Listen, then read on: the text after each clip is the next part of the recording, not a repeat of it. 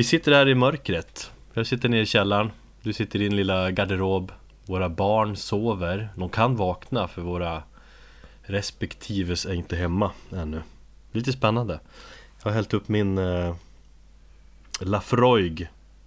Det är ganska mycket. Luktar rökig whisky i hela rummet här nere. Och du dricker en Imperial Stout. Ja. Då blev jag lite lycklig Jag, inombords. jag, såg dig i, jag såg dig i dina ögon att du blev, du blev stolt över att jag, att jag drack en, eh, en, drack en Stig Bergets Trouble Sleep Imperial Stout. Jag kände en stolthetskänsla och sen försökte jag dölja den för jag tycker att fan vad knasig man är. Ja men eh, skål! Vi surplar lite här.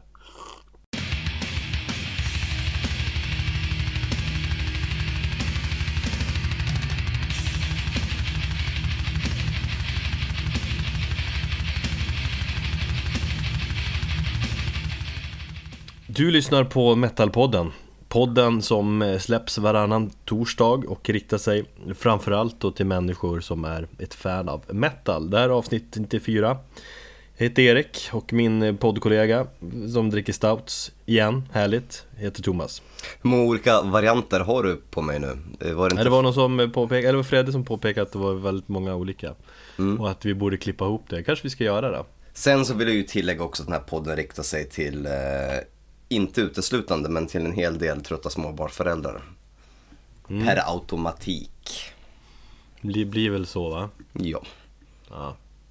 Men man är väl inte lika trött nu som första Alltså bebistiden Fast bebistiden är inte så jäkla jobbig tycker jag, för de är små kollen som bara ligger där och inte gör Tala för dig själv! Du som har barn som sover på nätterna, eller hade Mina barn är ju, blir mer eh, energiska ju äldre de blir. Då kommer det, att- det kommer att sluta med du, Ditt sätt att dö på är att dina barn kommer slå ihjäl dig bokstavligt talat Ja, det är tragiskt när man önskar att man, att man, ja, man önskar livet ur sig själv. Ibland får man så jävla trött.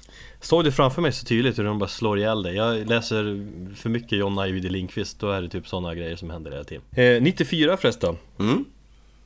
Det är ett gyllene skivår för mig Ett av de bästa skivåren, fan i mig 94 är ett bra år för att det var första gången jag var på kollo. Eh, och det var även året som Sverige tog VM-brons i fotboll i USA. Men det sket väl du i? Nej, inte då. 94. Jag var ju jätteintresserad av fotboll som barn och tonåring. Ehm, så att jag har ett varmt eh, minne från 94.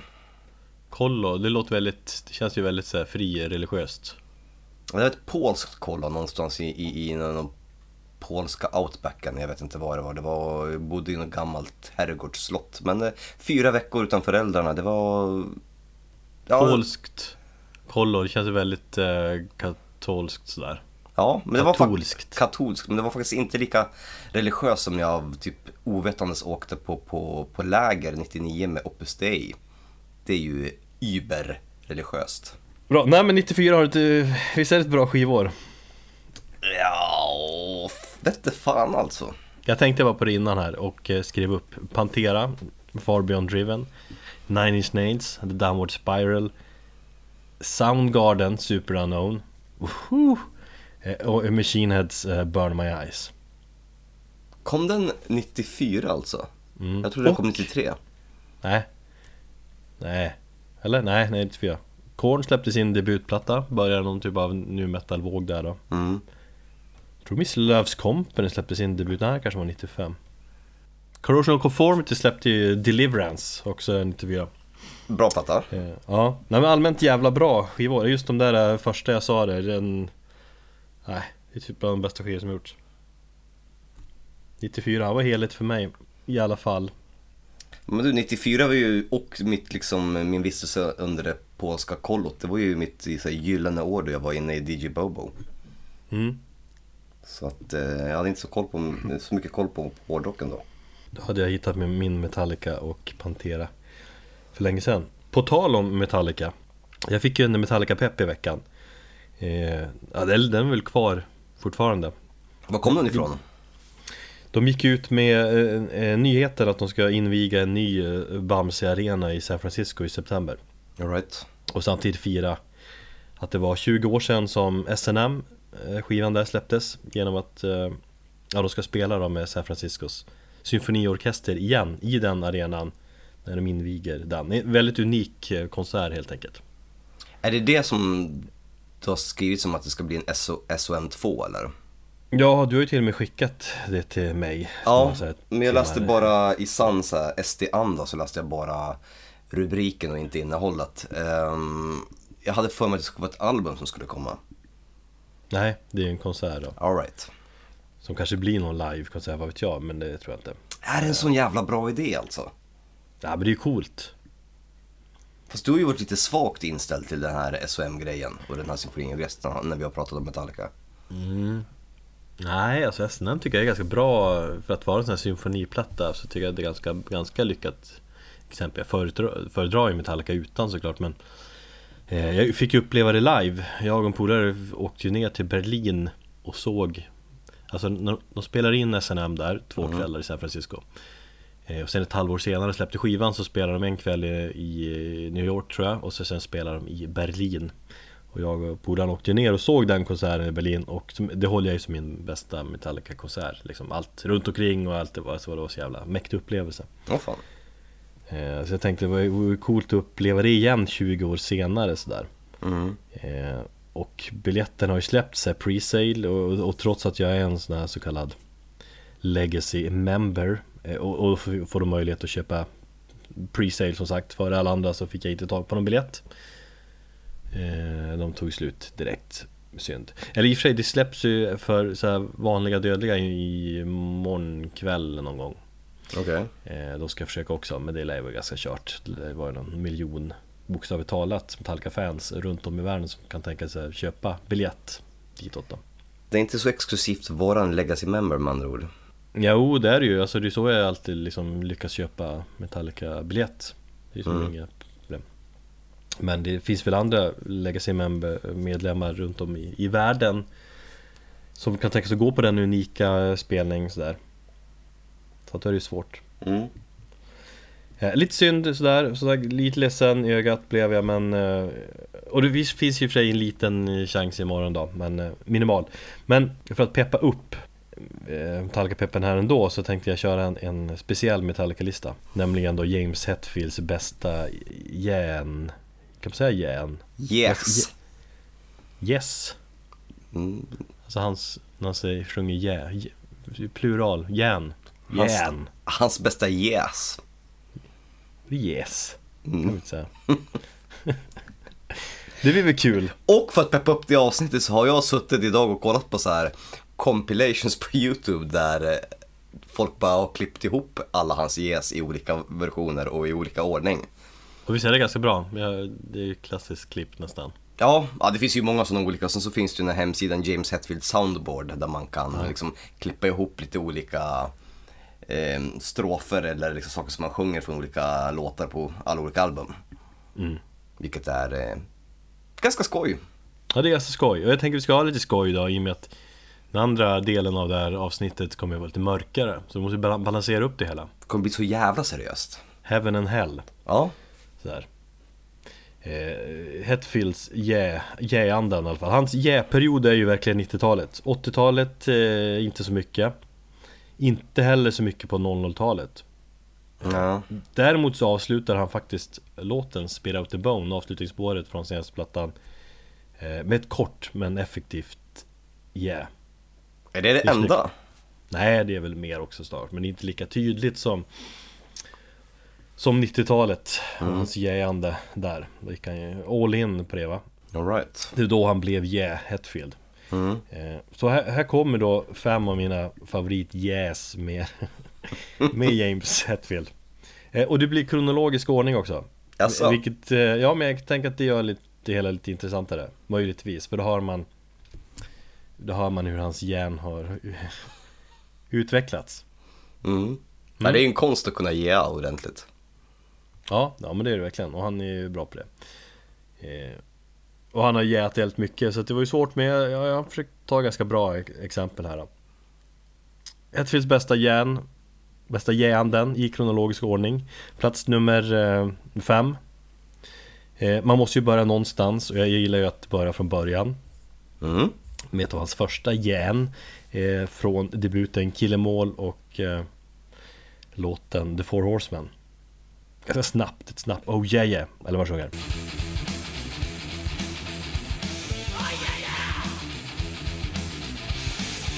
Vi hoppar fram åtta år blir det då till 90-talet, 91, Black Album och eh, låten eh, Wherever I May Roam och outrot där eh, som är så jävla snyggt. Hans järn är ju ganska friskt där. Eh, men snyggast är ju dock eh, när han sjunger My Body Live But Still I Roam och, två järn där. Det är förbannat snyggt.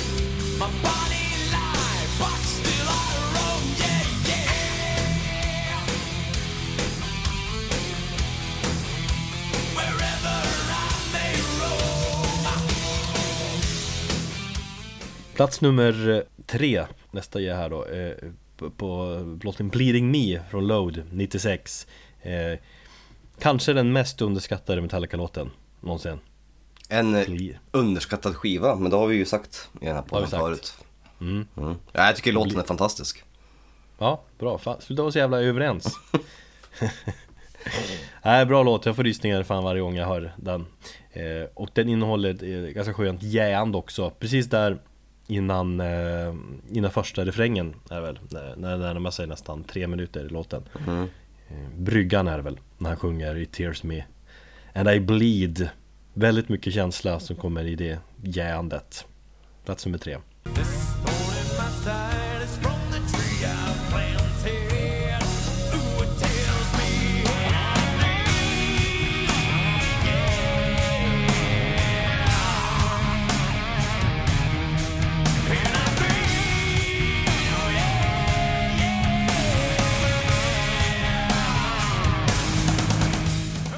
Och nu kommer järn nummer, eh, eller plats nummer två då.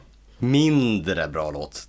Ja, ja, äh, jo, men eh, visst, det är nog en klassisk Metallica-låt får man väl säga. Eh, skivan Reload och låten Fuel. Där det jäas friskt också. G- ganska uttjatad låt, jag tyckte den var, jag kommer ihåg när jag hörde den på P3 Rock faktiskt. För första Mhm. gången. Det var första smakprovet man fick höra eh, från Reload. Och, liksom, och P3 Rock det sändes på torsdagar klockan nio eller klockan tio. Fan var det då? Eh, Amro inledde det direkt när låten kände oh, fy fan vad bra låt. Men sen är den väl sönderspelad och jag tycker inte de ska spela den live så mycket som de gör men Kör den mycket live eller? Ja, det gör Ja, de fan. Ja, mycket eld och sånt där. ja just det. Mm. Ja, den känns, den känns också daterad på något vis. Mm, kanske. Ja, men det, det är mycket jä där eh, på ett sätt som att eh, det har blivit ganska lätt att driva med den där Hetfield jä-karaktären. Mycket tack vare den här låten. Mm. Men det är ett ganska kungligt jä ändå. Ooh, yeah! Eller vad man säger.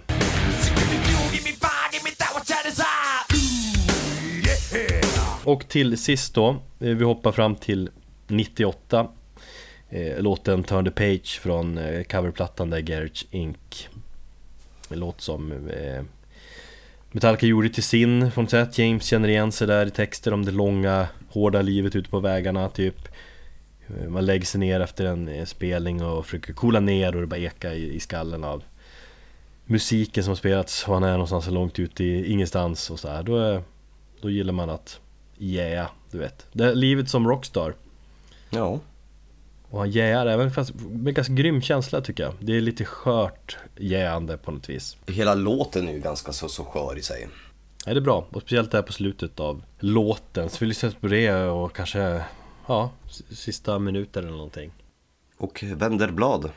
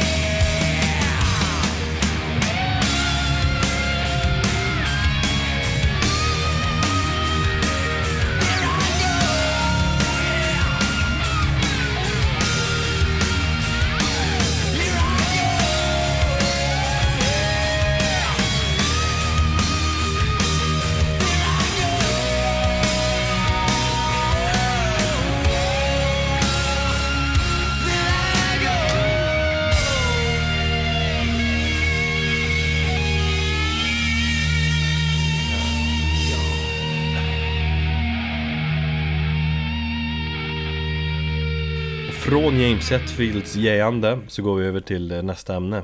Och det här är ju ett patronämne.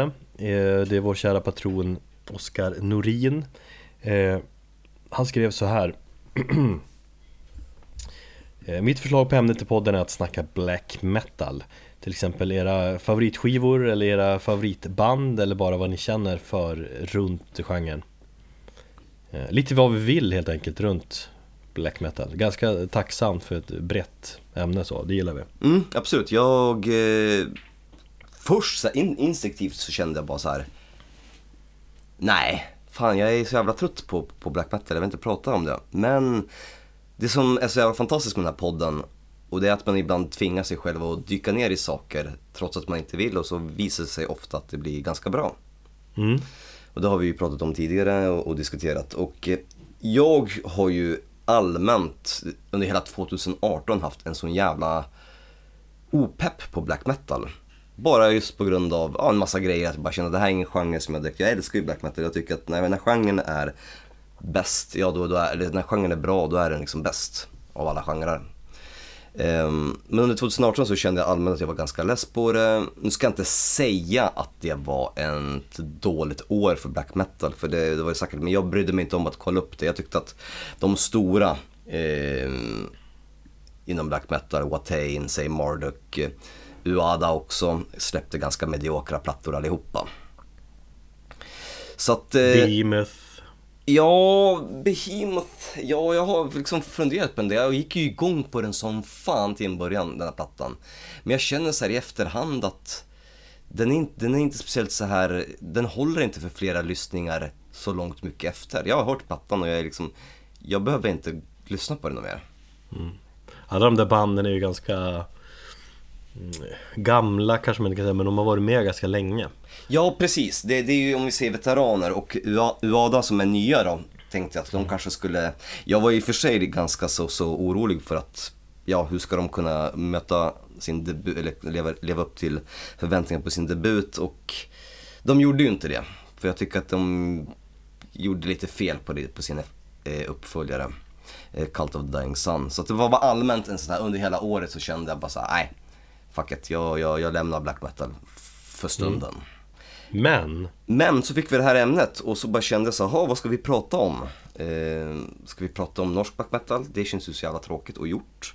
Ja, det kan jag känna, det känns jättetrist Ja, vi har ju dykt ner i polsk black metal, vi har ju pratat och kanske inte direkt eh, störtdykt i, i, i amerikansk black metal men vi har pratat mycket om de banden från den sidan. Och jag är ju ganska stort fan av amerikansk black metal. Men då insåg jag att jag har ju totalt ingen koll på den isländska black metal-scenen. mm, Vilket förvånar mig lite grann ändå För att jag har ju lite koll på den, eller hade för ett par år sedan sådär Min kunskap sträckte sig till två band. Det är dels då Solstafir och Mystyrming. Solstafir som är det gamla black metal-bandet som inte spelar längre black metal och Mystyrming som tillhör den nya vågen. Men jag har faktiskt nästan aktivt valt bort att inte kolla upp den. Jag vet inte varför, eller så har det bara inte full, fullit, fallit sig liksom, i tid och, och, och sådär eh, att, att kolla upp den plattan. För att jag kan säga för två månader sedan så hade jag ju ingen koll överhuvudtaget. Det är ganska liksom Ganska inne, alltså en scen Isländska black metal-scenen snackas väldigt mycket om Så att det är kanske därför du känner att nej, det där är för poppis för mig just nu Jag annat jag är ju, jag är ju ganska sen på bollen just nu. Jag gillar ju också att det, att det, att det är en, eh, ja, som sagt, geografisk djupdykning. Men vi har gjort ett gäng tidigare sådana, som du var inne på. Vi eh, snackat pol- polsk black metal från ett speciellt område där i Polen, som jag inte kommer ihåg. Eh, vi, vi har snackat eh, Portland-scenen. Just ja. Eh, vi snackade nyligen om norsk thrash där från eh, Kolbotten. Mm. Eh, vad mer? Ja, något mer också tror jag. Ja, det, det fin- vi har ju liksom ämnen framöver också dyka ner i. Ja, Så att jag gillar ju också att göra de här själva geografiska nedslagen. Eh, och jag får ju också då erkänna att jag är ju... Ja, jag får ju kanske bita i det äpplet på det sättet att jag eh, ångrar ju en hel... Alltså ångrar ju att jag inte kollade upp det här mycket tidigare. Och att jag faktiskt under Roadburn 2017 när det var väldigt eh, många isländska band som uppträdde. Bland annat så var ju Miss Tyrming eh, och de var ju den här Artist in Residence och körde tre olika spelningar. Mm att jag liksom aktivt då också bara, nej jag, jag skiter i det här. Liksom, jag skiter i de isländska banden och så gick jag bara och tittade på de här stora, du vet, etablerade redan. Och det kan jag känna eh, svider ganska hårt just nu. Ja, jag såg ju en, lite av det här också. Jag har ju upplevt delar av scenen på Roadburn eh, några år tidigare. Där. Mm. Eh, det är ju det- fan, det är ju det Roadburn handlar om. Man ska ju inte gå, gå på de här största spelen, man ska gå på det här med mindre, mer okänt och sådär. Jo, men det var, det var ju ett rookie-misstag och det kommer jag inte göra om nästa gång. Nej men sagt, jag, jag har känt till, eller känt till scenen, jag har lyssnat lite grann på den tidigare sådär Men I och med det här avsnittet och så, så har jag ju lyssnat in en hel del nu eh, Och det har varit kul som fan att bara sätta sig in i scenen mer Intressant eh, och större delen av Ja men de två senaste veckorna har jag plöjt isländsk eh, black metal Kul att höra. Det känns Mm. ändå ganska ovanligt. Som sagt, jag tycker alltid att black metal och du, det, det rimmar inte alltid i min, i min värld. Nej, men det har vi pratat om också att jag, jag gillar ju En viss typ. Och, ja, eller man som tar in black metal element Renodlad så klassisk old school eh, black kan jag ju tycka är lite tjatigt Ja, jo, precis. Men, eh, ja, nej men fan, fan, väldigt bra eh, jobbmusik jag kom fram till Man hamnar liksom i trans på något sätt det, Och det trodde jag inte att det skulle vara, men då har jag kommit fram till att det det är Exakt, det, det har jag också insett att det är jävligt bra att jobba till. Just på grund av att det är ju ganska så, så intrikat musik och vi kommer komma till det längre fram. Men jag tänkte liksom så här innan vi, innan vi dyker ner i, i våran topplista och så där så skulle vi prata lite grann om eh, ja, bakgrunden och hur det hela började. Men också göra en avgränsning. Ehm, om vi säger så här, Island är ju som sagt ett väldigt litet land. 330 000 invånare totalt tror jag. Va? Ja, Ja, i och för sig, de är ju typ, eh, typ 200 000 bor i Reykjavik eller sånt där ja precis. Sen så är resten, resten utspridda. Eh, det här är inga verifierade uppgifter utan det här var bara så snack på forum. Men det var det någon som snackade att det fanns typ 1500, 2000 hårdrockare på hela Island. Som sagt, det får man väl kanske ta med en nypa salt. Ja men det är något fascinerande med just att det här med eh, att de kommer från Reykjavik eh, Och det har jag kommit fram till också efter de här två veckorna att det känns att ju mer man lyssnar på banden Desto mer känner man av staden Reykjavik och landet Island i musiken. Det är så mycket som fascinerar med det landet att Att det ligger så isolerat framförallt. Är Världens äldsta demokrati, eller aktiva demokrati. Att landet har så hög levnadsstandard ändå.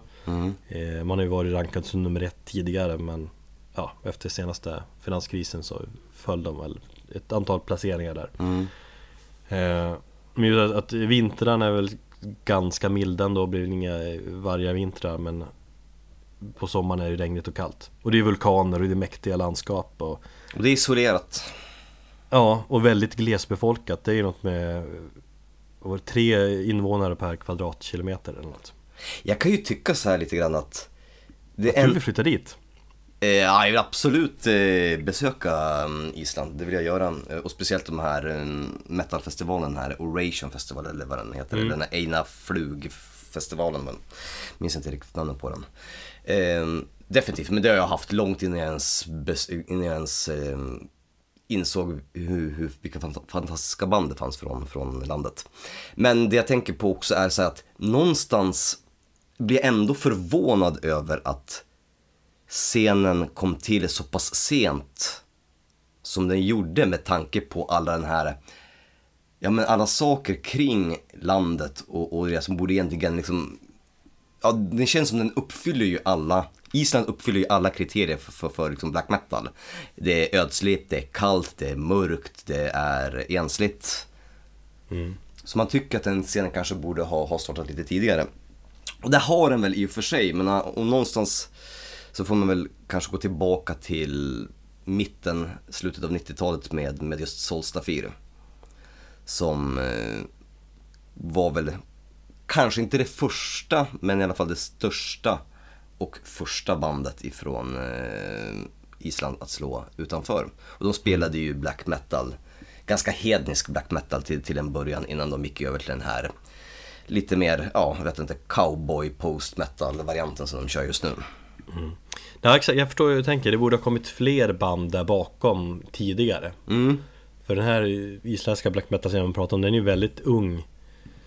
eh, Och väldigt ny faktiskt ju. Men jag vill fortfarande dela upp den, och det är den här lilla avgränsningen jag vill göra. Att jag vill, liksom Soulstafir ska vi inte prata om därför att de tillhör det som står utanför scenen just nu. Eh, de tillhör också den här gamla skolan tillsammans med några få band som kanske aldrig riktigt slog men som, som fanns i, i, i, i samma veva som Soulstafir i, i slutet av 90-talet och han ges ut på någon sån här eh, compilation som heter Fire and Ice eller någonting. Men det var ju band som bara hann släppa liksom lite, lite demos och sådär. Så att det, var, det var ju aldrig någonting som riktigt tog fart på det sättet. Utan ska man gå till, till liksom den moderna isländska black metal-scenen då får man ju gå till ungefär 2006. Och det var där det startade med bandet Svartidaudi. Och sen så har det exploderat därifrån. Ja. Och det blir väl att ja, de ser att det är band lyckats och så på något vis eh, hetsar man varandra. Det är väl så det är. Ja, Man, man tävlar lite grann på något vis. Ja, det, är- det är dels en tävling men det finns också några skillnader eh, jämfört med den norska scenen. Om vi ska liksom börja lite grann så, så, så, som sagt, 2012 kan man ju säga att den isländska metalvåg, black metal-vågen startade för då släppte Svarti Daudi sitt debutalbum Flesh Cathedral. Svinbra album. ehm, och det var liksom startskottet som gjorde att en hel, hel massa band eh, hakade på. Men de var ju aktiva redan sedan 2006.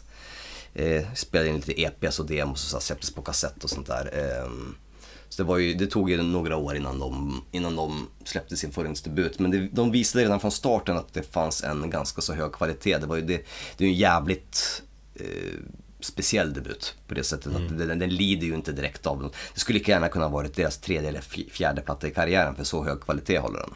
Ja, det håller jag med om. Jag har ju lyssnat en hel del på, på den, Flash Cathedral. Eh, jag förstår varför den har blivit så hyllad. Jävligt köttig skiva. Alltså, och mörk.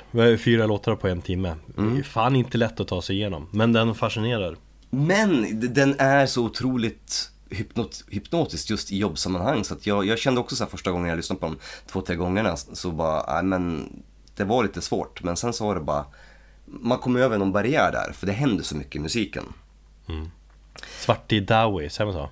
Eh, det är ju det här eh, isländska det eller vad det här tecknet, jag vet inte, jag, jag säger svart i Daudi. Vi får ju kanske ursäkta alla islänningar och övriga människor för, för våra kommer utstå- skämma ut oss som fan med isländska uttal i det här avsnittet. Ja, men, men så är det. Vi är ju inga native speakers direkt. Så att, eh, men jag tror att man ska säga svart i Daudi. Eh, kanske med någon konstig betoning på just det.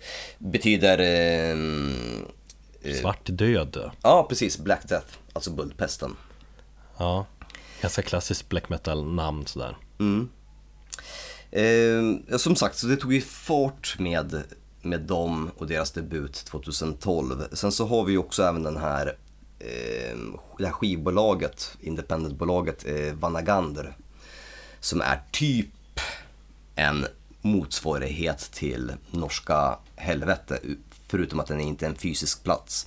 Jag tänker på de norska eh, banden i andra vågens eh, black metal så, så hängde man ju kring den här fysiska butiken, kol, du det, Helvete.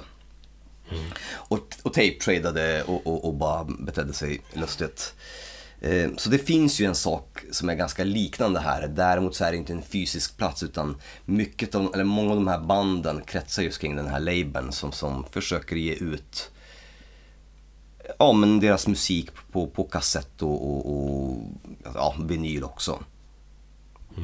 Ja, det är mycket kassetter. Ja, det är väldigt mycket Ja, kassetter. Ja.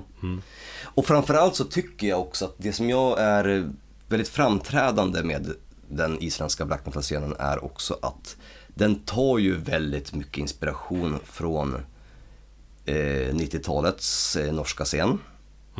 Men för många av de här banden och de här artisterna, eh, eller musikerna, eh, växte upp med de här norska banden. Det var mycket Mayhem eh, och mycket Dark Throne. Ehm, men under senare tid så finns det också väldigt mycket fransk black metal. Den här avantgardiska, eller avantgarde. Deathspell Omega snackas det jävligt mycket om i intervjuerna. Yes, Death, Deathspell Omega eh, nämns nästan lite för mycket i, i var och varannan intervju när man pratar om isländsk black metal. Och jag kan köpa att det används som någon form av referens. Men det är, de, de säger det själva också, som vi är absolut eh, inspirerade av den här lite mer kaosartade inriktningen som de har. Men, men samtidigt så, så det är ju ingen kopia på något sätt tycker jag. Det finns Nej. influenser definitivt, lika mycket som det finns influenser från, från den norska scenen. Nej men om man blandar de två så känns och tänker hur det låter så känns det ganska Ganska logiskt Mm. Eh, Blut aus Nord är också ett band som, som eh, kommer väldigt mycket på tal när man pratar om isländsk eh, black metal. Eh, just då, jag har för mig att, jag har inte jättebra koll på, på Blut aus Nord för jag har aldrig direkt varit en stort fan av dem. Men de, jag tror de satsar väldigt mycket mer på, på det här atmosfäriska. Och det är ju också något som är väldigt talande för, för de isländska banden. Det är väldigt mycket atmosfär i deras musik. Det är kaos å ena sidan och atmosfär å andra sidan. Jag gillar ju också att de här banden vi pratar, ska prata om här att De har ju verkligen sina egna identiteter. Visst det är ju, det är ju, det är ju black metal-genren och för att det ska vara black metal så krävs det ju vissa regler man måste hålla sig inom. Men alla banden känns ändå verkligen unika. Var och ett av banden har sin egen grej liksom. Och detta Trots att, om jag har förstått det rätt, så spelar många medlemmar i flera band. Typ som att hela scenen bara består av ett enda eh, stort eh, liksom band. Ja men ja, eh, jag har liksom, när jag har kollat intervjuer så det, det är liksom, vi snackar om kanske 15 initierade människor som alla delar band med varandra och det är inte ovanligt att alla spelar i tre eller fyra band. Nej, precis Så det är därför det inte heller finns den här rivaliteten som exempel fanns under den norska scenen eller under, under 90-talet med, mellan norsk black metal och, och, och svenskt dödsmetall till exempel. Eller, eller i rivaliteten inombords utan i och med att alla spelar med varandra så har alla liksom en, ett kreativt utlopp för, för, för sina liksom, idéer på, i tre, fyra olika konstellationer. Eh, och det känns som att alla försöker hjälpa varandra. Ja, fast jag har ju läst också att eh, Inte så att alla håller varandra i handen och allt är liksom gulligt utan det verkar vara lite en del inre stridigheter ändå Ja, absolut. Eh, Det finns också, och det finns en del band som på något sätt inte är med i den här klicken. Varför de inte är det, det, det är lite svårt att förklara för de kanske inte de, ja, de, det kan vara så pass enkelt så att de bara är geografiskt placerade på andra sidan Island. Och då är man per automatik ganska isolerad från det här för att alla de här banden kretsar ju kring Reykjavik, mer eller mindre. Och sen så ja, absolut, det finns ju kanske lite rivalitet däremellan men, men i överlag när jag läser mycket om de här intervjuerna så, så får jag ändå ganska mycket Alltså en ödmjuk eh, känsla från de flesta artister. att De är bara glada över att, liksom, att deras land har blivit uppmärksammat för någonting sånt här. Mm. Och det är inte så mycket liksom försöka vara true eller försöka dölja sig bakom masker. Nu gör man ju det för att, Ja, det för, för, för att vara mystisk eller skapa någon, någon form av onds, onds, eh, så att säga, stämning. Ja, eller liksom Det handlar om liksom anonym, anonymiteten för att få fram musiken och inte liksom musikerna Alltså det, det, den vinklingen på det och därför man vill Ja, jag kan, maskera sig liksom Ja, Men ja. jag gillar ju det här att det, liksom man jämför som sagt med norska scener att det inte är så mycket true snack och det där Mm. Som jag alltså har svårt för Ja precis, nej men det har jag ju också och eh, för, som, som sagt de, de, mesta, de flesta är ju ganska så, så ödmjuka ungefär. Sen så kan jag absolut hålla med om att Goa, de polska banden och hela den här UADA-grejen att alla man ska, köra, man ska köra på liksom en, en biker läderjacka med eh, huva och eh, typ eh, ja, en rånarluva eller någonting. Börjar bli ganska uttjatat men jag kan också köpa att de här banden inte vill, de vill ta bort personen från musiken. Så att jag, jag köper på något sätt ändå att man, att man vill på något sätt ja, distansera sig och ta bort personen. Ja, nej men ja, ja, absolut Sen så har vi också den här eh, Studio Emissary som också är en ganska känd studio där, där de flesta av de här banden just har spelat in och den drivs av eh, Steven Lockhart som är eh, spelar i bandet Rebirth of Nefast. Eh, han är en irländare som har flyttat till Island. Och det är väl någon sån irländsk, har jag för mig, irländsk eh, black metal typ. Ehm, så att han har ju på något sätt också blivit någon form av ja, en person som har liksom samlat alla, alla de här musikerna och, och, och producerat och, och spelat in deras plattor och de har fått låna mycket av den studion. Så att han har också blivit en nyckelperson i den här, i utvecklingen av den här scenen. Eh, men som sagt, det är fem band eh, och det är inte på något sätt någon eh, universell lista på de fem bästa isländska banden. När jag gjorde min research så, så jag skulle kunna säga så här. Eh, jag hittade 15 band som alla har varit aktivare, gett ut en demo eller en fullängdare. Eller på väg att ge ut en fullängdare. Av det så kokade jag ner det till 10 stycken och, som var bra och av de 10 så valde jag fem stycken personliga favoriter. Så att det är ju bara ett axplock eh, av den här scenen. Jag skulle kunna säga att det är 15, kanske 20 ändå aktiva band. Många som sagt samma personer, många som är enmanna black metal-projekt liksom, där det är bara en person. Så vill man, eh, vill man fördjupa sig i den isländska black metal-scenen så finns det betydligt mer att, att kolla upp än de här fem som jag kommer att, kommer att nämna. Och det där, säger du så att du slipper få de här kommentarerna. Vad fan har du missat det bandet? Ja men det är ju också det, jag hatar de där frågorna. Har du missat det här bandet? Ja, nej det har jag inte gjort. Jag kan ju säga redan nu att Wormlust är ett band som är jättehypat ifrån det. Jag tycker inte om dem, de spelar psykedelisk black metal. Och jag har väldigt svårt för just psykedelisk... Jag älskar psykedelisk musik men jag, har svårt med det i just black metal. Det, det, det, går, det går inte ihop för mig. Så jag har valt att aktivt ta bort Wormlust. Eh, och det Mm, jag lyssnade på dem lite grann, tyckte de, jag tycker det var ganska coolt.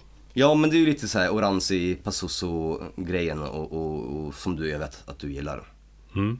Och jag gillar ju min psykedeliska rock när den görs i Porcupine Tree flummig stuk, men inte när den görs kaotiskt sådär. Ehm, så Wormlust är ett, ett band som man definitivt bör kolla upp för eh, det är ett enmannaprojekt. Eh, han som driver bandet har även gett ut en, eh, en bok om den isländska black metal-scenen. Där han har, försökt, han har dokumenterat den i, under tre års tid. Som jag faktiskt eh, har beställt. Mm. Han inte får den i tid då till- det här avsnittet. Du får återkomma när du har läst den. Ja, det är ju mest bara hans fotografier och ackompanjerat med bandens eh, lyrik. Så det är tydligen inga direkta, det är ingen dokumentärbok på det sättet han skriver något, något faktabaserat. Okej. Så det ska bli intressant att, eh, att ta del av den i alla fall. Men i alla fall, eh, fem band som totalt har golvat mig och som jag totalt bara lyssnat på under, ja, säg nästan två månaders tid. Eh, nästan uteslutande. Och vi börjar där det, där det egentligen började med Svarti Daudi då, eh, 2012. Eh, de ses ju som scenens ledare, kan man ju säga. Och det var ju som sagt med Flesh Cathedral som, som allting exploderade. Eh, förra året eh, i, släppte de Revelations of the Red Sword. En skiva som är så otroligt intrikat eh, i sin liksom kaosartade och dissonanta utformning att varje gång jag lyssnar på den, jag köpte den precis faktiskt på vinyl, jag har faktiskt inte hunnit lyssna på den hemma, men jag tänkte jag skulle göra det imorgon. Jag såg att du la ut den på ditt Instagramkonto. Mm, absolut. Eh, Jag var tvungen att, att köpa den, den var sjukt snygg. Ehm, Så jag ska försöka få själva den här vinyllyssnandet på den. Så att säga. Men jag har i alla fall lyssnat på den väldigt mycket just när jag har jobbat och eh, väldigt mycket till och från jobbet på pendeln. Och jag märker för varje genomlyssning att jag hela tiden upptäcker någonting nytt. Det är lager och lager av, av ljud. Det, är liksom, det kan vara en liten melodislinga, det kan vara något litet dissonant riff, det kan vara någon, någon sån här bakgrundsgrej. Sådär. Och det är så otroligt sällan en skiva växer på det där sättet. Och det har hänt i mitt fall två gånger tidigare då en skiva har liksom på något sätt bara fått den här aha-upplevelsen kanske efter 15 genomlyssningen. Och det är ju dels The Haunteds uh, The Dead Eye som jag inte kunde greppa uh, till en början. Och Katatonias uh, The Great Cold Distance. Så också en sån här skiva som jag upptäckte tre, fyra år efter att den hade släppts. Så hittade jag fortfarande grejer som jag aldrig hade hört första gången. Och det är exakt så, så är det med Revelations of the, of the Red Sword. Den plattan. Men den, kom, den kom förra året va? den kom i 3 december förra året. Och någonting som jag, eller jag visste om att den kom och, och, och sådär men det var, jag hade ju ingen koll på, på, på, på bandet då. Jag lyssnade på den jag, strax innan så här, julafton bara snabbt. När jag hade någon diskussion med någon kompis bara kände så ja ja men, men det här, det här, ja. Och det tog mig kanske två, tre genomlyssningar innan liksom det, någonting började sätta sig. Men, jag, men det är så här skiva som jag förstod är väldigt, det finns någonting där om jag bara ger det tid och hittar rätt sinnesstämning och rätt lugn. Då kommer det lossna. Det märkte jag redan snabbt men jag hitt, det tog mig ändå några gånger. Och nu, Mm, jag körde igenom den någon gång med lite, kanske lite okoncentrerat Men jag, jag är fortfarande kvar på debuten eh, Flash Cathedral Som Mm. jag fortfarande är helt Tycker jag fascinerar och den Ja, den, sagt, den är ju mastig som fan med fyra låtar på en timme och eh, Det händer mycket där också Liknar den den? Det är, det är fler Det är fler låtar va? På eh, nya skivan Fler spår Ja, absolut, det är det. Ehm, debuten känns ju lite mer som ett... Det känns ju egentligen som ett enda långt spår indelat i fyra kapitel.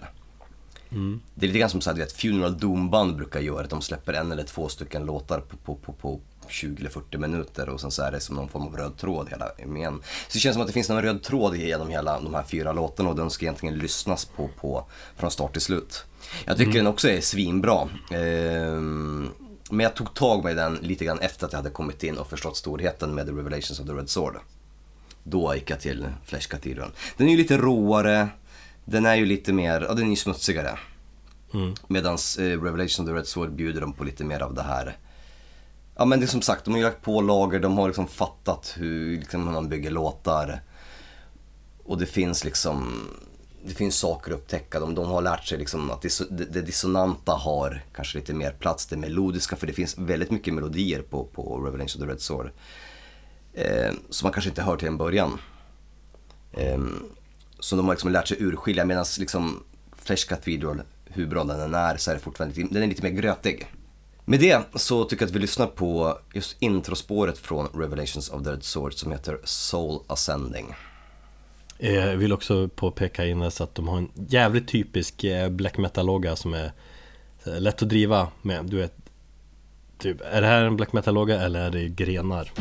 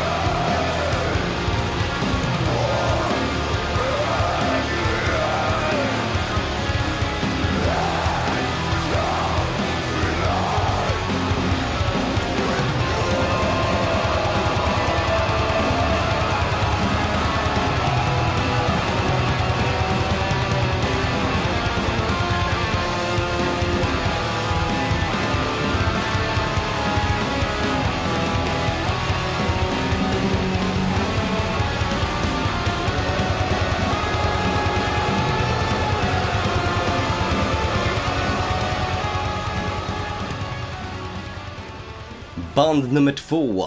Eh, om Svartidaudi ses som scenens alfa så är Miss Tyrming eh, scenens omega. Jag är inte riktigt på det klara hur relationen är mellan Svartidaudi och Miss Tyrming. Nej, Men vad menar, vad menar du och vad menar man med det uttrycket egentligen? Att alla andra band finns däremellan på något vis. Nej, alltså, jag skulle säga, alltså Alfa och Omega, det är ju liksom, de är ju, nej jag skulle nog säga med att det här är liksom Svartidaude och Miss Tyrming, alltså Miss Tyrming kanske är på något sätt en liten lillebrorsa till Svartidaude i och med att de kom direkt typ efter att eh, Flesh Cathedral hade släppts och när den exploderade så, så bildades Miss Tyrming. Men de har ju också fått en så otroligt liksom, ledande position så att de tillsammans med Svarte Daudi håller ju den här isländska black metal-scenen, eh, alltså fanan väldigt högt tillsammans. Sen så vet jag inte om det finns någon inbördes rivalitet banden emellan. Eh, läste en del med Miss Tyrming så de är yngre. När de släppte eh, sin debutplatta Söngvar Elds och Eradu, eller vad det nu heter, eh, sånger om eld och kaos. Eh, så var de i tidiga 20-årsåldern. Eh, nu är de väl 25, 26, ja 27 någonstans. Och kollar man på, på uh, liveinspelningar från, från året därefter eller från Roadburn så ser man ju att de är, det, är alltså, det, det ser ju stundtals ut som pojkar. Ja, alltså det är ju bandet som jag hade mest koll på. Mm. Och det är också det bandet jag hade, hade koll på sedan tidigare. Ja, och så har vi bara släppt en skiva, jag såg dem ju på Roadburn där. Eh, De imponerar ju som fan just med det här eh, Att det är ett gäng ynglingar, man ser att det, det ser ut som ett gäng tonåringar Ja. Som verkligen har sån jävla energi och framförallt sångaren och, och gitarristen där minns jag mest som har Mest energi. Eh, Han en ung man med pottfrilla typ. Mm. Fast svartmålad och så såklart. Så att jag lyssnar en hel del på den skivan Efter det. Väldigt aggressiv platta och brutal. Bara isländska låttitlar. Jävligt svåruttalat överhuvudtaget Alla de där låttitlarna. Eh, Dock är det det bandet som jag Efter jag lyssnat på de här fem banden Det, det bandet som jag eh, Går igång på minst av, av de här fem på något vis. Jag ska faktiskt vara ärlig, eh, både Svarte Daudi och Miss Tyrming var de två banden som gick igång minst på också när jag dök eh, in i, i, i researchen av det här avsnittet. Mm. Men det hade varit intressant att se de andra banden live också och se liksom om de är lika bra och har samma energi Som i Spirming sådär Ja, eh, det tror jag att de flesta har i och med att det är typ egentligen samma personer, mer eller mindre. Lite förvånad också över att de bara hunnit släppa en skiva eh, Och den kom 2015 det, Jag tänker att det gäller ju att smida medan järnet är hett Eller varmt och de har ju liksom turnerat Fått turnera mycket i, i, Europa och sånt där eh, Gjort sig ett namn så det känns som att de Bör tjäna på att släppa en ny skiva jävligt snart Det kommer en platta i år. Så det är fyra år efter debuten är väl det kanske inte så, så fel med tanke på att de har släppt en, de släppte ju en split 2017 med sin Mara. Eh, ja, sen så har de turnerat väldigt mycket och liksom varit upptagna. Sen så, som sagt så kanske det finns några liksom, praktiska eh, liksom, hinder som gör att det inte kanske går att spela in musik på samma sätt i Island om man behöver åka 700 mil till en studio. Men det, Det tror jag inte Nej men det, vad jag har förstått så, så har de en, en skiva som är på G i år. Och det är ju på tiden. Och som sagt, också en skiva som jag minns när hypen kom kring, kring den 2015 den släpptes, eh, lyssnade en del på. Men det var någonting som jag bara så här, ja men jag viftade bort det. Ganska så irriterat tänkte jag, äh, jag orkar inte sätta mig in i det här. En skiva som jag också egentligen har eh, fram tills nyligen kämpade med för att förstå och tyckte så, men vad är grejen med varför är det här så stort? Eh, ingen, inte, definitivt inte ett av mina favoritband av de här fem men, men eh, fortfarande ett väldigt bra band och jag förstår mig liksom på musiken mycket mer nu när jag har satt mig in i den. Det är också så här jävligt kaotiskt, det är Ja men det, det finns någon, sån här- någon, någon sån fuck you-attityd i det. Jag tänkte att bandet är lite, lite yngre, så är de lite kaxigare, de har lite mer energi också. Och man märker på att de, de ger och skiter i, i det mesta mer än kanske man gör när man är äldre. Jag tror man ska, man ska se dem live, eller titta hur de ser ut när de spelar live och sånt där eh, också För att man får lite mer förståelse för deras musik då på något vis Mm. Ja. Nej, som sagt, det mm, ska bli väldigt ehm, eh, kul att få höra hur, hur nya albumet som kommer då, då, eh, hur det kommer låta med tanke på att splitten som de gjorde med sin Mara, bara den låten lät ju väldigt mycket annorlunda ifrån eh, debutplattan. Det är för att de var typ 13 bast då och nu har de växt upp. Ja. Eh, vi lyssnar på låten Söngur häftar.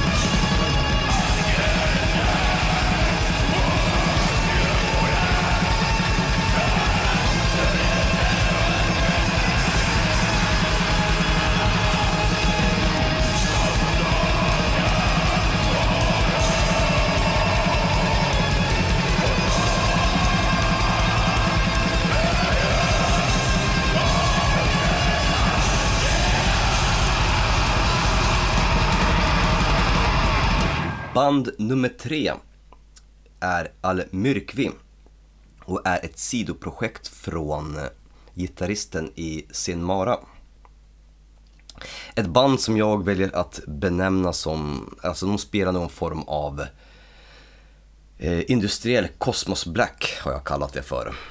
Eh, det är inte så många band som gör det, men om du ska prata om satanism och black metal så finns det ju den här liksom vad ska man säga, den här rymdsatanismen lite grann som Inquisition körde mm, ett tag också innan ja, de la ner verksamheten. Jag vet inte om de är aktiva än. Men det, här, det fanns att den här satanismen är någon form av så här, i, i, i kosmos. Det, det är ja, jätte, jätteflummigt och jätte mm, abstrakt som jag inte liksom har orkat att dyka ner mig i. Någonting som jag tror att du skulle gilla, eller hur? Ja, den här skivan har jag faktiskt lyssnat på mest. Mm. Tror det eller ej, det tror det på förstås. Eh, bra skit, jag älskar verkligen den här, ja, den atmosfäriska känslan de har. Det är, det är hypnotiskt på något sätt. Eh, och så tycker jag att produktionen känns ganska annorlunda jämfört med övriga band. Det är mer liksom med dämpande ljudbild och, och som du säger också att industriell i känslan vilket jag gillar. Mm. Nej, jag gillar verkligen skivan. Eh, extra plus att de så sagt, sjunger om rymden va? Ja, och någon form av eh, ja, med stjärnor som dör, konstellationer, stjärnkonstellationer. Svarta hål och Ja, grejer. och någon form av satanism eller människan och, och, och liksom någon form av satanistisk eh, filosofi i allt detta liksom. Mm. Jo, absolut. Även, även omslaget är rymdigt i sva- svart och vitt. Så att, eh, na, och, och, den här skivan gillar jag som fan. Jag Vill skulle- jag ha. Har ni Sound Pollution den eller? Eh, det har jag faktiskt inte kollat upp. Eh, men eh, det är någonting som jag definitivt också skulle vilja ha. Så vi får väl ta och beställa den i så fall. Eh, Svarti Daudi har vi och eh, några andra har vi. Men just, inte just den här tror jag inte. Nej men som sagt, det, de släppte en, eh, en EP och ett eh, fullängdsalbum eh, som heter Umbra. Tror jag också är snart aktuella med, med nytt material och ja, alltså som sagt, jag tycker inte heller det kanske är det har ju det så här industriella som jag inte tycker egentligen passar i black metal. Jag tycker black metal och industri inte går ihop. Ja fast det är det där jag gillar när man blandar lite lätt. Mm. Alltså, det, är, det är ju verkligen black metal också men just att det är lite annorlunda. Det är inte jättetydligt att det, okej, det här är också är en del av isländska scenen här utan Och det jag var inne på att fast det är typ, typ samma kollektiv eller här är ju som en, en kille från ett annat band eh, Att det verkligen låter unikt på något sätt. Ja, absolut. Eh, och det gör det ju. Eh, men jag bara tänkte på att under slutet av 90-talet så blev det ju ganska så här. När den norska scenen började, black metal-scenen började dö ut så, så började vissa av de här banden, black metal-banden, brancha ut. Dels så blev ju symfonisk black metal ganska populär med typ Dimmu Borgir och så. Men så minns jag också att det fanns ett band som hette Covenant som körde någon form av industriell Matrix Black. Det var verkligen så här lite, ja men det var dreadlocks, det var konstiga simglasögon på, på promobilderna. Det var det här lite så här, nu metal-core fast i någon form av black metal-tappning. Ja, fast inte alls på det viset. Nej, nej, nej, det, det är inte det. Nej, men det, det, det, det, det är liksom, det, det är det jag, jag menar med att när, när, när man pratar om industriell eh, black metal så var det ju det, den bilden som jag fick upp först. Det här är ju gjort på ett annat sätt, så jag menar att den har Jag vet inte om de framställer sig, att de beskriver sig själva som industriell black metal. Mer Det tror jag absolut inte. Va? Det tror jag absolut inte, utan det är Nej. min benämning på dem. Ja, nej men och det, det är det jag gillade, att du, du ändå kände det. Mm. Det industriella i det. Alltså det är inte, den är inte jättetydlig, men, men det är liksom i, i ljudbilden på något vis. Men framförallt är det väl atmosfärisk eh, black. Mm. Det är kallt. Det är jävligt kallt i rymden ska jag säga. Eh, vi lyssnar på Stellar Wind of the Dying Star från skivan Umbra.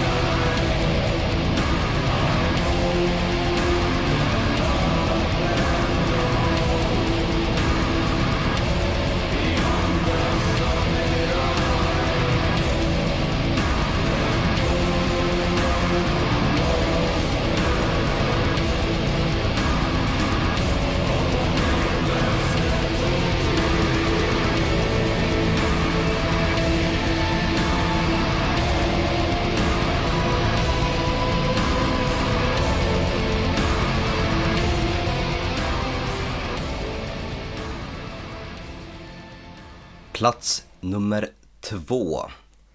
Shrine med Z. Eh, kanske, eller i alla fall ett av dem av mina favoritband från, från den här listan. Som sagt, både Svarti Daudi och Miss Tyrming har ju vuxit i mina ögon bara den senaste veckan.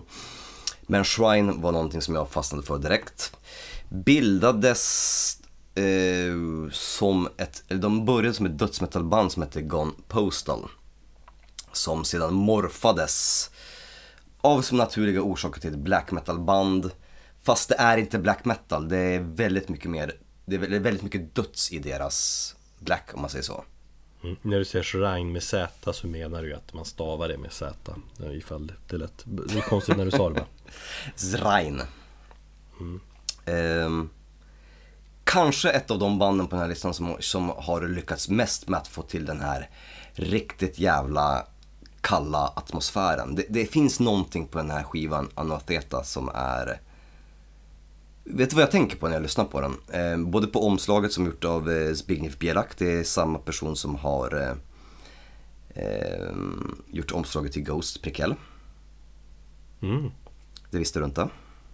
Nej, fan är det så jävla likt egentligen? Jag tittar tycker så mycket på det här omslaget. Ja, om, man, om, om man har det i åtanke så kanske man kan se liksom stilen sådär men det är ju Inte jättetydligt för det här är som svartvitt och prequel är ju så mycket mer Det händer Ja, för mycket prequel kanske, kan jag tycka dock. mm. Men, eh, nej men eh, Shrine är ju som sagt, de tog ju med sig de här dödselementen från Gone Poster när de morfades in i det. Och de har skapat någon form av stämning och atmosfär i sin musik som får mig att tänka på Prometheus och Alien Covenant. Eh, två helt värdelösa filmer. Ska jag säga. Nej, Rid- helt, jo, Rid-. Ridley Scott har totalt skitit ner sig. Han kan dra åt helvete. Alien Covenant var den sämsta filmen som jag såg. Fan vad var det? Den släpptes den 2017. Eller om det var Mm. förra året. Skitsamma. Men jag gillar, det jag gillar med hans film, alltså nu snackar vi själva story, story och manuset har så otroligt mycket hål så jag blir bara irriterad. Men den världen som han har byggt upp på den här liksom själva förhistorien med de här ingenjörerna och sånt tycker jag är ganska intressant. Mm. Och jag tycker att både i Prometheus och Alien Covenant så finns det någonting där att hämta som jag tycker är, är eh, jävligt spännande. Men sen så har han ju bara skitit ner sig med att göra en jävla ja, popcornrulle med, med, med karaktärer som gör jättedumma beslut. Men just den här världen, jag tror det är i, det är väl i Alien Covenant när man ser ingenjören där i början står och typ blickar ut över något form av så vattenfall eller någonting och det är väldigt så här kallt, isig planet. Nej, det är Prometheus Det kanske är Prometheus då är det. Introt där Den, är den Inspelat på Island ja ja, den, ja, du ser. Ja, då förstår jag varför mina, mina tankar går till, till den filmen när jag lyssnar på Shrine. Just det här. Nu är jag såhär bara, jag ska försvara de filmerna för att jag är sån jävla alien-nörd Ja, men, eh, men jag är också- Nej, det, jag, det är så jävla brister i de filmerna Men jag tycker ändå att de är ändå underhållande eh, Stundtals tycker jag ändå Covenant var eh, fan, jävligt nervig också Fast den höll ju inte alls hela världen Hela vägen Ja, Ja, nej, alltså jag, jag är också en alienörd och, och jag, jag hade såna jävla förhoppningar på de här filmerna. Och Prometheus var väl en besvikelse så jag tänkte så, ja men, ja, och hela den här jävla gre- grejen med Prometheus. Prometheus, vet du vad den filmen var världsbäst på? Nej, Trailern, det är den bästa trailern som någonsin har gjorts. Gå in på YouTube och Prometheus trailer, första trailer, alltså den är så jävligt bra Ja, Jag det- inte hur, det- jag såg den säkert hundra gånger och analyserade varje bild så här, men Fy fan vilken nerv det är i trailern Och det, det är allt man behöver, behöver inte, behöver inte se filmen, se trailern och känna vad fan är skit det i filmen. Ja, och det bildade ju även uttrycket The Prometheus School of Running Away from Things. Ja, fy fan Ja, Det här med att eh, karaktärer springer ifrån eh, objekt i samma riktning som det faller istället för att springa åt sidan. Eh, jättekul. Eh, I alla fall, det var en besvikelse vilket gjorde att- att jag, att, vad heter det, jag hade större förhoppningar på Alien Covenant som sen visade sig suga ännu mer. Men i alla fall, Ja, ja. Nej, vi ska inte diskutera filmen nu. Du tappar mig helt med, jag, jag förstår inte alls den här äh, Shrine och, och Alien, men Nej, jag får eh, från omslaget till den här musiken. Men lyssna på, på skivan eh, och kanske få lyssna på den på vinyl. När man har det här liksom, om du lyssnar på introspåret och outrospåret, det hänger ihop liksom. Det finns en, det finns en röd tråd och, och, och jag har läst just bland väldigt många recensioner och väldigt många som, som pratar om, om den här skivan så är det just att atmosfären är så exceptionell. De målar upp en bild som är så här kala, en kal iskall planet eller en iskall liksom miljö. Och för mig som sagt, jag, får, jag, får, jag, jag vet inte varför men jag får associationen direkt till Alien-filmerna och just det här med ingenjörerna som jag pratade om tidigare. ja. jag, tycker, jag får lite domkänsla. Eller framförallt ja, det är mycket döds i soundet och det, det tjänar de verkligen på. Det står ut liksom lite extra tack vare det, så det är absolut inget renodlat eh, black metal band. Nej, det är det inte. jag. Eh, många partier så känns ju så här dödsiga med, med så här tuggande riff. Exakt, precis. Eh, och det tycker jag inte alls liksom, eh, särskilt mycket black i det. Och så gillar jag att de har en hel del långsamma partier också. Nästan lite Doom eh, black metal på något vis. Mm. Finns det något som heter Doom eh, black? Det finns band som spelar Doom Black men jag vet inte om det är en vedertagen genre. Nej. Black Doom. Ja. Finns ju Black Thrash, det borde ju finnas Black Doom. Och Blackened Doom eller något sånt där. då. Black and Doom finns ju absolut. Men Doom Black låter ju roligt. Lite åt det hållet, men framförallt dödsig eh, Black. Och det gillar jag. Mer, Alltså det är mer, mer tydliga riffen, liksom om man ska jämföra med eh, Almyrkvi som vi snackade tidigare här är det ju mer liksom atmosfäriskt och atmosfär, här är det liksom mer? Det är mer riffigt liksom. Mm, absolut, men det är det. det. Det är ju det bandet som kanske står ut mest från black metal-follan av de isländska banden. mm, Ja, Ska jag säga. Men det gör inte, det, det gör inte bandet eh, mindre dåliga för det. Eh, de släpper också ett nytt album i år. Vad jag har förstått. De släppte ju sin eh, fullängdsdebut i 2016 så det är hög tid att det kommer någonting nytt. Eh, mot hösten vad jag har förstått. Eh, I övrigt jävligt snygga killar. Eh, om du tittar på promobilder eller går in på deras Facebook så ser du att det, det är liksom Det är dressman metal. Det är så som du gillar ja det. de väljer att inte maskera sig och det är inget Väl eh, målas inte eller sådär Men det är ju för att de kommer från dödsscenen på något vis Så att det känns som att de har med sig det Mm. Att äh, vi ska inte hålla på med Så jävla skinnjackor och luva och, och ja, Nej, corpse paint och grejer Vi sätter på oss en, en rock, eh, skjorta och McGordon jeans. Ta tre, betala för två. mm.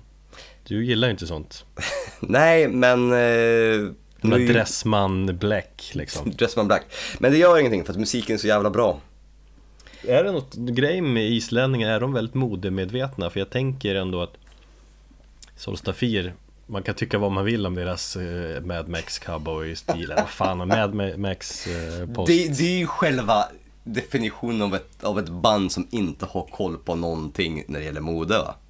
Nej, alltså grejen är att de, de, det är ju ändå en jävligt medveten stil ju Det är Ja. inte bara något de bara, nej men så här klär jag mig Utan det är någonting de bara, nej vi kör med den här, den här grejen Brunt läder och cowboyhattar liksom Ja, alltså det är absolut medvetet, det håller jag med om. Men det, är ju, det behöver inte på något sätt vara aktuellt eller någonstans i tiden.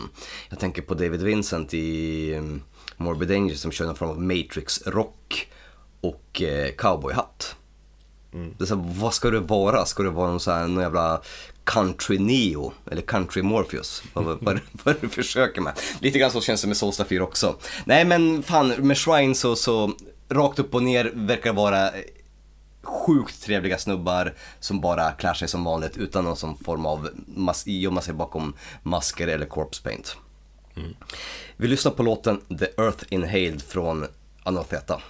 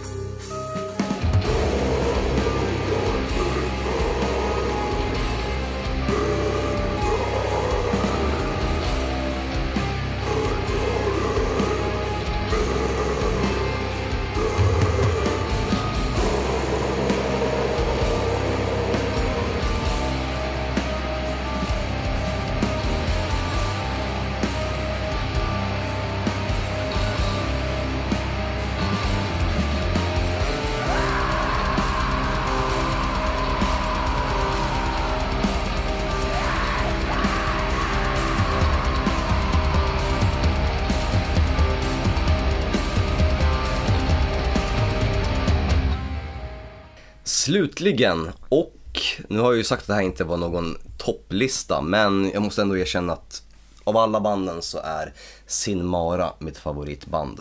De släppte ju sin eh, andra platta här nu i förra veckan. Eller för förra veckan, för två veckor sedan. Eh, som har totalt golvat mig. Den heter så mycket som Chvis Stjärnana med reservation för uttalet där. va. Typ eh, visslande stjärnor eller något sånt. Mm. Ganska gullig albumtitel, väldigt eh, barn och godnattstunds eh, kompatibel. ja, den är ju det. Inte så jävla tuff dock. Nej, men jag gillar det. De har, de har någonting med, med stjärnorna och, och när jag läste recensioner och, och, och, och intervjuer med bandet så, så är det väldigt mycket av just det här blicka ut mot kosmos och, och mot stjärnorna och det är ju ganska väldigt mycket för många av de här banden, ja, med, med, med undantag för Svarti Daudi och, och Mystyrming så, så är det väldigt mycket som, många av banden som blickar ut just mot kosmos.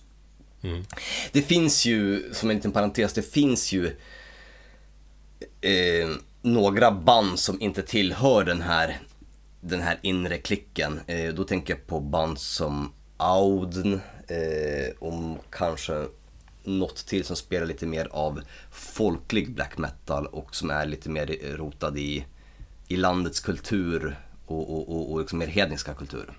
Mm, jo, men det, det lyssnar jag en del på också. Eh, intressantare på pappret än i än Just- på något vis. Just Auden, eller vad de heter, de, de tyckte jag faktiskt väldigt bra. Påminner lite grann om, om typ såhär Winterfilleth eller Wolves in the Throne Room.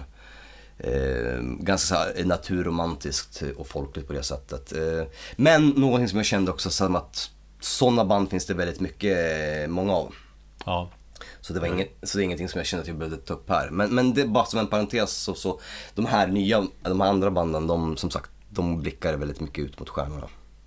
Alltså, du skrev ju att den här skivan Visslande stjärnor, plattan eh, menar, eller bandet överhuvudtaget, det- det skriver du antecknade, typ det bästa av alla banden har du skrivit. Mm. Eh, och skivan släpptes i början av mars men, men eh, eh, när jag lyssnade igenom de här banden så, så fanns den inte på Spotify. Den kom ut på Spotify för ett par dagar sedan. Det fanns på YouTube men jag gillar inte att lyssna på YouTube av någon anledning. Mm, den släpptes på strömmandes på, på just eh, ja, Spotify och Apple Music förra fredagen. Mm. Så jag har kört lite grann i helgen och så Framförallt idag har jag kört plattan hela dagen eh, Men jag, jag blir alltid lite av till inställning vet, När du säger att eh, den är bäst och sådär och då blir jag lite såhär ah! Men den är bra som fan Det växer väldigt mycket den här skivan Känns som att ja, men Den här skivan också är väldigt atmosfärisk. Storslagen på något vis. Mm. Och varierar och blir Jag gillar att den är väldigt aggressiv emellanåt också. Det, det är just det, Det- den är både jätteaggressiv och kaosartad men det finns element av så här, så me- melodiska grejer som de gör som gör att man bara totalt blir hypnotiserad av det, som bryter av från det kaotiska. Ja, och den blandningen är jävligt snygg Framförallt också är det sjukt snygg produktion som jag, jag har kommit fram till Mm. eh, Allmänt väldigt välskriven black metal som fängslar Snygg eh, black, alltså om man Man kan ju argumentera för att black metal inte ska vara snygg och, och, och bra producerad, men ja, vad spelar det för roll Nej men det köper, det blir, det blir någon typ av old school tänk som jag tycker är äh. Ja visst det funkar ibland också, men i det här fallet så är Även om man ska presentera genren för någon som är väldigt liksom tveksam. Det finns väldigt många som är tveksam till black metal. Mm. Vilket man förstår för det är, det är ju liksom Huvudsyftet är att det ska vara en jävligt kaosartad musik att lyssna på. Det är liksom lätt och gulligt på något sätt Förutom när man döper sin skiva till visslande stjärnor Men, men om man ska prestera black metal ska man Ja det här är ett ganska bra exempel på eh, Hur bra man kan göra det på något vis.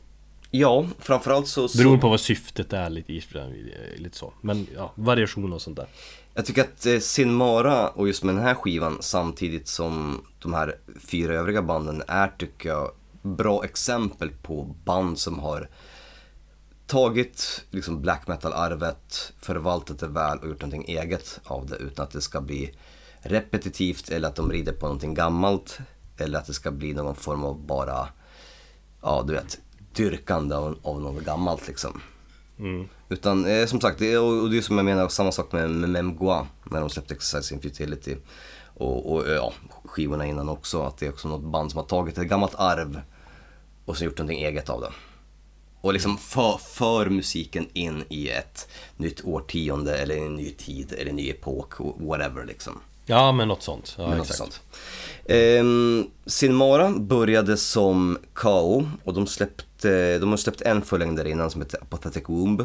Som är lite mer kaosartad rå black metal. Ehm, däremellan eh, fullängdsdebuten och eh, nu den här Visslande Stjärnan så släppte de en EP som heter Within the Weaves of Infinity. Där de utforskade eh, en lite mer melodisk sida. Och den mottogs väl och bandet gillade själv den. Det var ett experiment från dem. Och de valde att därför gå vidare med på den här melodiska eh, inslagna banan på, på just den här plattan då. Så att eh, lyssnar man på de här två skivorna, eller de här två fullängderna sida vid sida så kommer man märka att det är en ganska så stor skillnad. Och jag tycker faktiskt att Ap- Apathetic Womb är en ganska så standardiserad skiva på ett sätt och vis. Jag har inte riktigt fastnat på den. Jag tycker att när de har det här med intrikata melodierna och det här melodispråket så, så är den betydligt bättre. Eh, Jag har, eh, det här är en skiva som jag har liksom tagit, tagit powernaps till. Det är en skiva som jag har somnat in till på, på kvällarna och på nätterna. När fan har du tid att ta powernaps? Det har vi snackat om att man inte får längre. Det var på Isis-tiden man tog powernaps. Ja, men jag jobbar ju hemif eh, hem i, hemifrån på fredagar. Då hinner jag ta en 15 minuters powernap.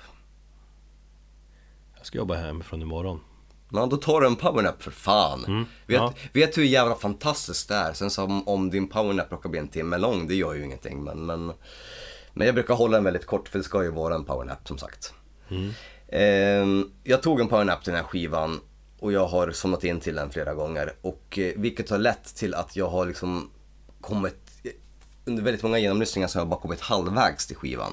Och för att liksom göra, göra det skivan rättvisa så har jag liksom börjat lyssna på, på de här andra hälften som jag har missat när jag har somnat. Alltså det är jätteklassiskt för mig, så det blir nästan jämt eh, Att jag måste göra, så det är väldigt sällan man, man kör igenom en hel skiva Att man har den tiden att köra en liksom, ja, Ja. det vara 40 minuter, en timme liksom, så här. Och oftast vill, vill, jag till, vill jag börja om på en skiva eh, för att det låter som har satt sig, så man, man måste tvinga sig själv ibland att ja men jag, fan, jag börjar på spår fem nu Ja, jag, hade, jag minns jag hade en diskussion med, med vår vän Kim här eh, för många år sedan. När man pratade om att man satte på en skiva när man åkte hem från jobbet. Och så var det kanske 10 minuter, en kvart kvar av albumet innan man kom hem. Hur både han och jag kunde sätta oss utanför dörren till vår lägenhet och bara vänta på, på, på att lyssna färdigt på skivan innan vi gick in. För det var jättejobbigt att avbryta liksom, eh, sista låten eller någonting. Det har inte, den lyxen har jag inte att göra, eh, kan jag inte göra liksom idag. Att bara avbryta så här. Men jag har däremot liksom försökt att kompensera med att lyssna på andra hälften av skivan, det som jag har somnat igenom. Och då har jag märkt att just den här skivan går inte att lyssna på eh, slumpmässigt eller att du börjar på spår nummer fem. Det, det, det, det, fuckar, upp, det fuckar upp någonting i, i själva kompositionen om hur de har själva tänkt den här musiken. Den, den blir helt annorlunda för mig. Jag måste lyssna på skivan från, från start, till, start till slut. För helt plötsligt så märkte jag när jag lyssnade på den tre, fyra gånger och började mitt i så tänkte jag så här, det här skivan är inte speciellt bra. Vad kan det bero på? Jag tyckte den var svinbra. Eh, Ja, det är nördigt att tänka så, men okej men, Ja, det, är, det är jättenördigt, men så satte jag på den igen i veckan från A och så lyssnade jag den liksom på jobbet eh, liksom hela vägen. Och då insåg jag just det här att det är en skiva som man måste lyssna på från start till slut och du får inte börja på den mitt i eller slumpa låtarna. Ja, nej, slumpa får man fan inte göra. Det är, det är förbjudet. Jag känner igen mig i det här också, jag har tänkt, känt så här också ibland. Men, men det brukar funka att börja på sida B. Eh, nu vet man ju kanske inte vad som är sida A och sida B i på, på Spotify och sådär. Men eh, om man har vinylen kan det vara intressant. Eller man tänker mycket mer på det då, att man, man inleder sida B som vi har pratat förut om. Eh, På ett, liksom som ett typ av nytt introspår, att man delar upp skivan i två delar. Ja, Och absolut. då, och då kan, du, kan det funka bättre. Jo. Eh, omslaget till den här skivan pryds av någon modell som heter Svala Johansdottir. Känd för att ta sina nakenbilder i isländsk natur. Hon har ett eh, Instagramkonto om man vill kolla upp det. Om man gillar naket i skog och berg. Men det är ganska coola bilder.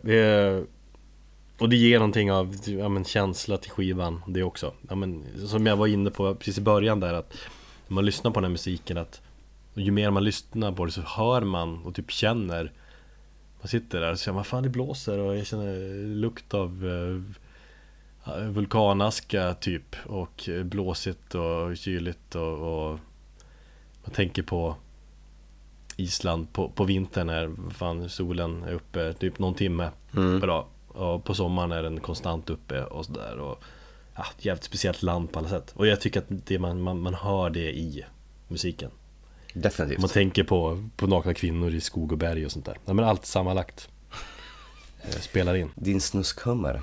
Nej, men inte snuskigt på så, utan bara naturen på något vis. Ja, jag förstår den. Naturen kan väl vara snuskig också. den är jättesnuskig naturen. Vi lyssnar tror jag och avslutar den här, eh, det här avsnittet om isländsk black metal med eh, just en låt från deras senaste platta, Skisstjärnarna. Eh, En, gång- en gång till. nej, jag har faktiskt försökt att um, kört Google Translate och eh, eh, f- försökt att höra på uttalet. Ja, jag har också gjort det faktiskt. Jag tänkte, På äh, alla de här. Thomas får ta det här. Ja, men på alla de här och på vissa är det så jä- man hör så jävla dåligt. Ja. Så det här var en, jag, jag kunde inte höra hur man uttalar det.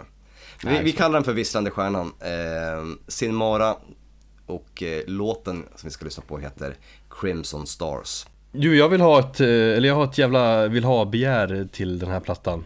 Hur var det? Hade ni sålt slut all ex på Sound Pollution, eller hur var det?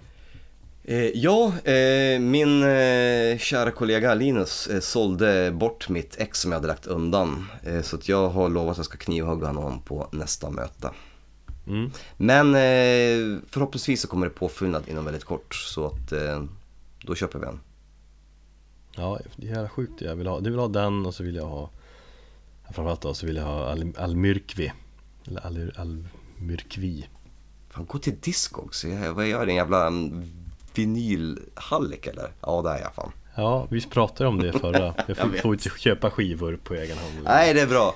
eh, Tack för att ni eh, hänger med och lyssnar Tack. Nu lyssnar vi på Silmara Crimson Stars och till nästa gång, ta hand om er. Så gott